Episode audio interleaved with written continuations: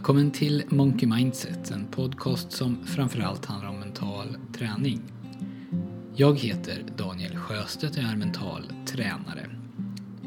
I den här podden och i nästa så kommer jag att prata om att ge upp. Om att inte göra det som man har sagt att man ska göra och om att påbörja en massa saker som man sedan inte slutför. Och jag menar nu både sådant som man säger till andra att man ska göra och sådant som man bara säger till sig själv att man ska göra. Jag ska prata lite om varför du ska bli en sån som inte ger upp och vad det finns att tjäna på det. Och så ska jag säga några ord om varför du i vissa fall faktiskt kan ge upp och inte slutföra. Men att du kanske ska göra det på ett lite annorlunda sätt än vad du gör idag. De flesta poddar som jag hittills har gjort, de har handlat om dina beteenden i förhållande till dig själv. Hur du kan göra och tänka för att fungera bättre, må bättre och i någon mån också prestera bättre. Jag har knappt alls pratat om prestation i förhållande till andra, hur man vinner eller får övertaget. Idag så kommer jag att närma mig det. Det kommer att handla både om hur du så att säga vinner över dig själv men också i någon mån om hur du kan förbättra din position i förhållande till andra.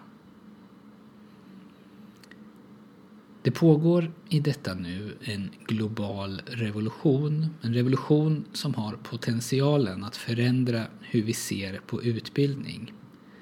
Det är en MOOC-revolution och MOOC, MOOC. det är en förkortning på engelska som står för Massive Open Online Courses. Och det betyder att överallt runt om i världen så erbjuder universitet och högskolor sina kurser till alla. Helt gratis via nätet. Inte alla kurser, men många och för varje dag som går så blir det fler och fler. Det här är ett fenomen som har pågått under en tid nu, men det satte fart på allvar, åtminstone medialt, när Stanford i USA, som ju är ett av världens bästa universitet, för ungefär fem år sedan bestämde sig för att göra sin kurs Introduction to Artificial Intelligence till en MOOC. Och det här är en högklassig kurs inom ett av de hetaste områdena som finns just nu och de som höll i kursen det var de kunnigaste personerna i världen inom just det ämnet. Sebastian Tron, ursäkta uttalet, som ansvarade för kursen. Han jobbade också med att utveckla Googles förarlösa bilar så han kunde onekligen ett och annat om artificiell intelligens. Och det är inte bara Stanford bland de mest kända universiteten som erbjuder sådana här kurser utan nästan alla gör det idag. Så du kan alltså handplocka kurser från elituniversitet runt om i världen och skaffa dig en akademisk utbildning som väldigt få enskilda lärosäten kan erbjuda. Du kan få kursintyg och certifikat från Harvard, Yale och Princeton och du kan göra det för en kostnad som är gratis, eller åtminstone bara en bråkdel av vad den hade kostat för några år sedan. Och att dra nytta av de här möjligheterna det skulle ju troligtvis ge dig en stor konkurrensfördel gentemot andra. Men det har inte så mycket med mental träning att göra och den här podden kommer ju inte att handla om MOOCs i sig men under den här kursen i artificiell intelligens på Stanford så blev det tydligt hur vanligt det som jag ska prata om idag är. Nämligen att ge upp och att inte slutföra det som man påbörjat. Av de cirka 160 000 personerna som inledde kursen så var det nämligen bara 23 000 som slutförde den och om man bara ser till siffran så är ju den helt fantastisk. 23 000 personer gick klart en kurs på Stanford i ett så komplicerat ämne. Men 23 000 av 160 000, det är 14 procent. En unik kurs i världsklass som var gratis och som för många skulle ha varit en direkt väg till ett nytt jobb eller åtminstone en bättre lön. Och så är det bara 14 procent av de som påbörjade kursen som också avslutar den. Och om man tycker att 14 procent är lågt så är det i det här sammanhanget en ganska bra siffra för de allra flesta andra MOOC-utbildningar de ligger en bit under det.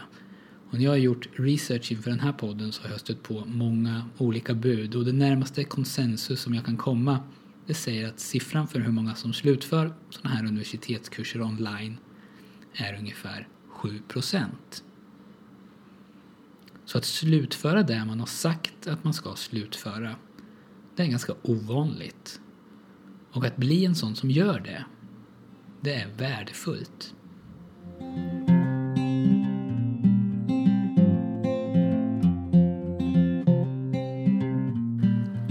Woody Allen han ska ha sagt att 80% of success is just showing up. Och en kille som heter Larry Winget, en amerikansk självhjälpsguru som är lite annorlunda och som jag personligen tycker är ganska rolig. Eh, en av hans böcker heter till exempel Shut up, stop whining and get a life. Han har sagt att hemligheten till framgång det är att göra det man säger man ska göra, när man säger man ska göra det och på det sätt man säger att man ska göra det.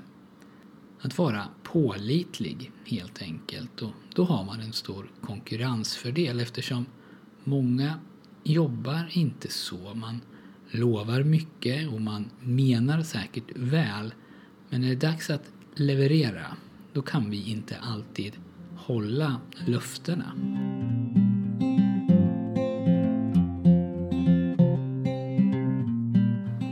Att vara någon som slutför det man har sagt att man ska slutföra, det är ju att vara pålitlig.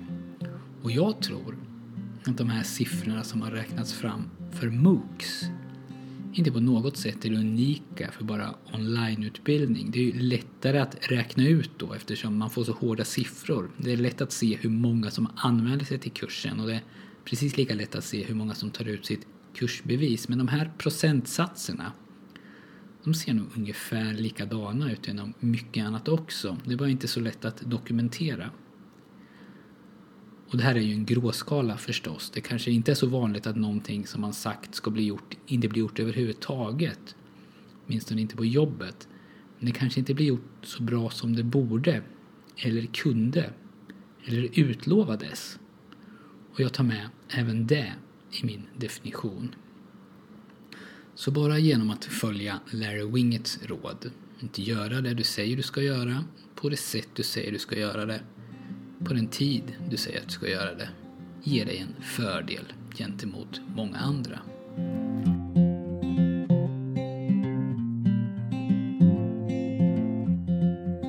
Och den andra fördelen med att bli en sådan som slutför det man säger att man ska slutföra, det handlar ju om ditt förhållande till dig själv.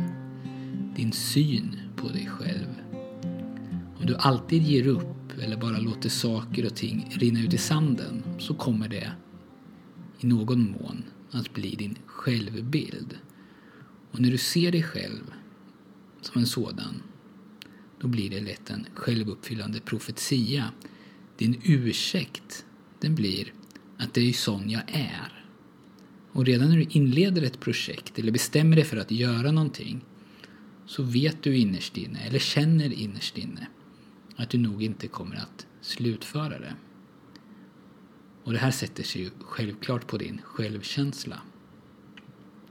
Men det går ju förstås att förändra, så om du kan förändra det här beteendet och börja att slutföra saker så kommer du snart att märka hur tillfredsställande det är. Och att inte slutföra inte alls eh, är sån du är. Utan det var bara just ett beteende, ett inlärt beteende som du inte hade verktygen att bli av med. Och du kommer då att sakta men säkert bli starkare i dig själv. Och som så ofta är fallet när du vill förändra ett beteende så handlar det om att inte bli otålig låta det ta tid och att räkna med bakslag. För varför ger nästan alla andra upp? Jo, för att det är svårt, för att det blir jobbigt, för att resultaten inte kommer så snabbt som man vill och för att det inte riktigt går som man hade tänkt från början. Och mycket av det som man gör här i livet det följer en kurva där man i början är entusiastisk och motiverad för att efter ett tag hamna i en period där entusiasmen har lagt sig en aning samtidigt som svårigheterna och problemen nu börjar visa sig. Författaren Seth Godin han kallar det här för the dip, dippen. Och den här dippen, den behöver man komma igenom för att kunna skörda frukterna av det man har ålagt sig att göra. Dippen, det är så att säga priset du får betala. Och om du tar dig igenom den, då blir du en av de där få som genomför det du säger att du ska genomföra. Och du kan ju hjälpa dig själv genom att skapa positivt momentum och påbörja någonting som du vet att du kan slutföra. Ett litet enkelt projekt, hur litet och enkelt som helst egentligen. Det är dippen, om den nu ens kommer, lättare att jobba sig igenom. Man ska inte underskatta kraften i kontinuerliga små positiva handlingar. Och sedan sakta, sakta så utökar du och när du misslyckas så ger du inte upp. Och till slut så kommer du då ha genomfört ett gäng saker. Och då är du plötsligt inte längre en sån som inte slutför. Nu är du en sån som slutför och med tillräckligt med tid och träning så kommer det att bli din självbild och då kommer du inte att ge upp när du stöter på svårigheter. Nej, för då kommer du att fortsätta. För din nya självbild, den säger nu att det är sån som du är.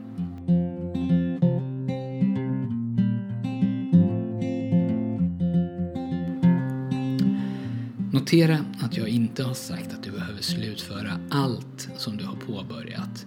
Du kan påbörja en massa saker och bara slutföra ett fåtal och ändå se dig själv som en sån som slutför. För vad det handlar om, det är att slutföra det som du säger att du ska slutföra. Och då är det precis lika viktigt att kunna bestämma vissa saker. Kanske den stora majoriteten av projekt som du påbörjar eller saker som du testar ska kastas i papperskorgen inte fortsättas på. Och när du fattar det beslutet, att ge upp, då frigör du ju tid och energi som du kan lägga på det som är viktigare. Då kan du fokusera på ett fåtal saker eller projekt och göra dem fullt ut. Men du förlorar, både i förhållande till andra och till dig själv, när de här projekten du eller ni har påbörjat bara finns där. De hänger kvar men ingenting görs eller så görs bara minsta möjliga, ett alibi för att det inte ska bli så tydligt att det misslyckats. De liksom bleknar bort till de knappt syns längre och ingen vill låtsas som att de finns. Ett gymkort kanske, som det betalas för varje månad men som aldrig används. Eller ett projekt på jobbet som trampar vatten och inte kommer någonstans men där ingen känner sig manad att döda det. Bestäm dig för att antingen fortsätta eller att ge upp. Ha modet att fatta ett beslut. I nästa avsnitt så ska jag prata mer om när och hur du kan ge upp och jag kommer också att gå in lite mer i detalj på den här dippen som Seth Godin pratar om. Lördagen den 1 oktober, i övermorgon alltså om du lyssnar på den här podden samma dag som den kommer ut, så går anmälningstiden ut för mitt mentala träningsprogram. Och det här programmet löper över 16 veckor och om du är intresserad så kan du läsa mer om det på min hemsida www.monkeymindset.se och då kan du klicka dig vidare till träningsprogram. Och om du är nyfiken på mental träning men inte vill gå träningsprogrammet så kan du få det som du behöver för att komma igång av mig. Du kan få det genom att gå in på monkeymindset.se och klicka på den röda knappen och signa upp dig för mitt nyhetsbrev och då skickar jag dig de fyra ljudband som ingår i min app som heter mental träning. Och ljudbanden de heter Slappna av, Gå djupare, Självkänsla och Målbilder. Det var allt för den här gången. Tack för att du har lyssnat och vi hörs snart igen.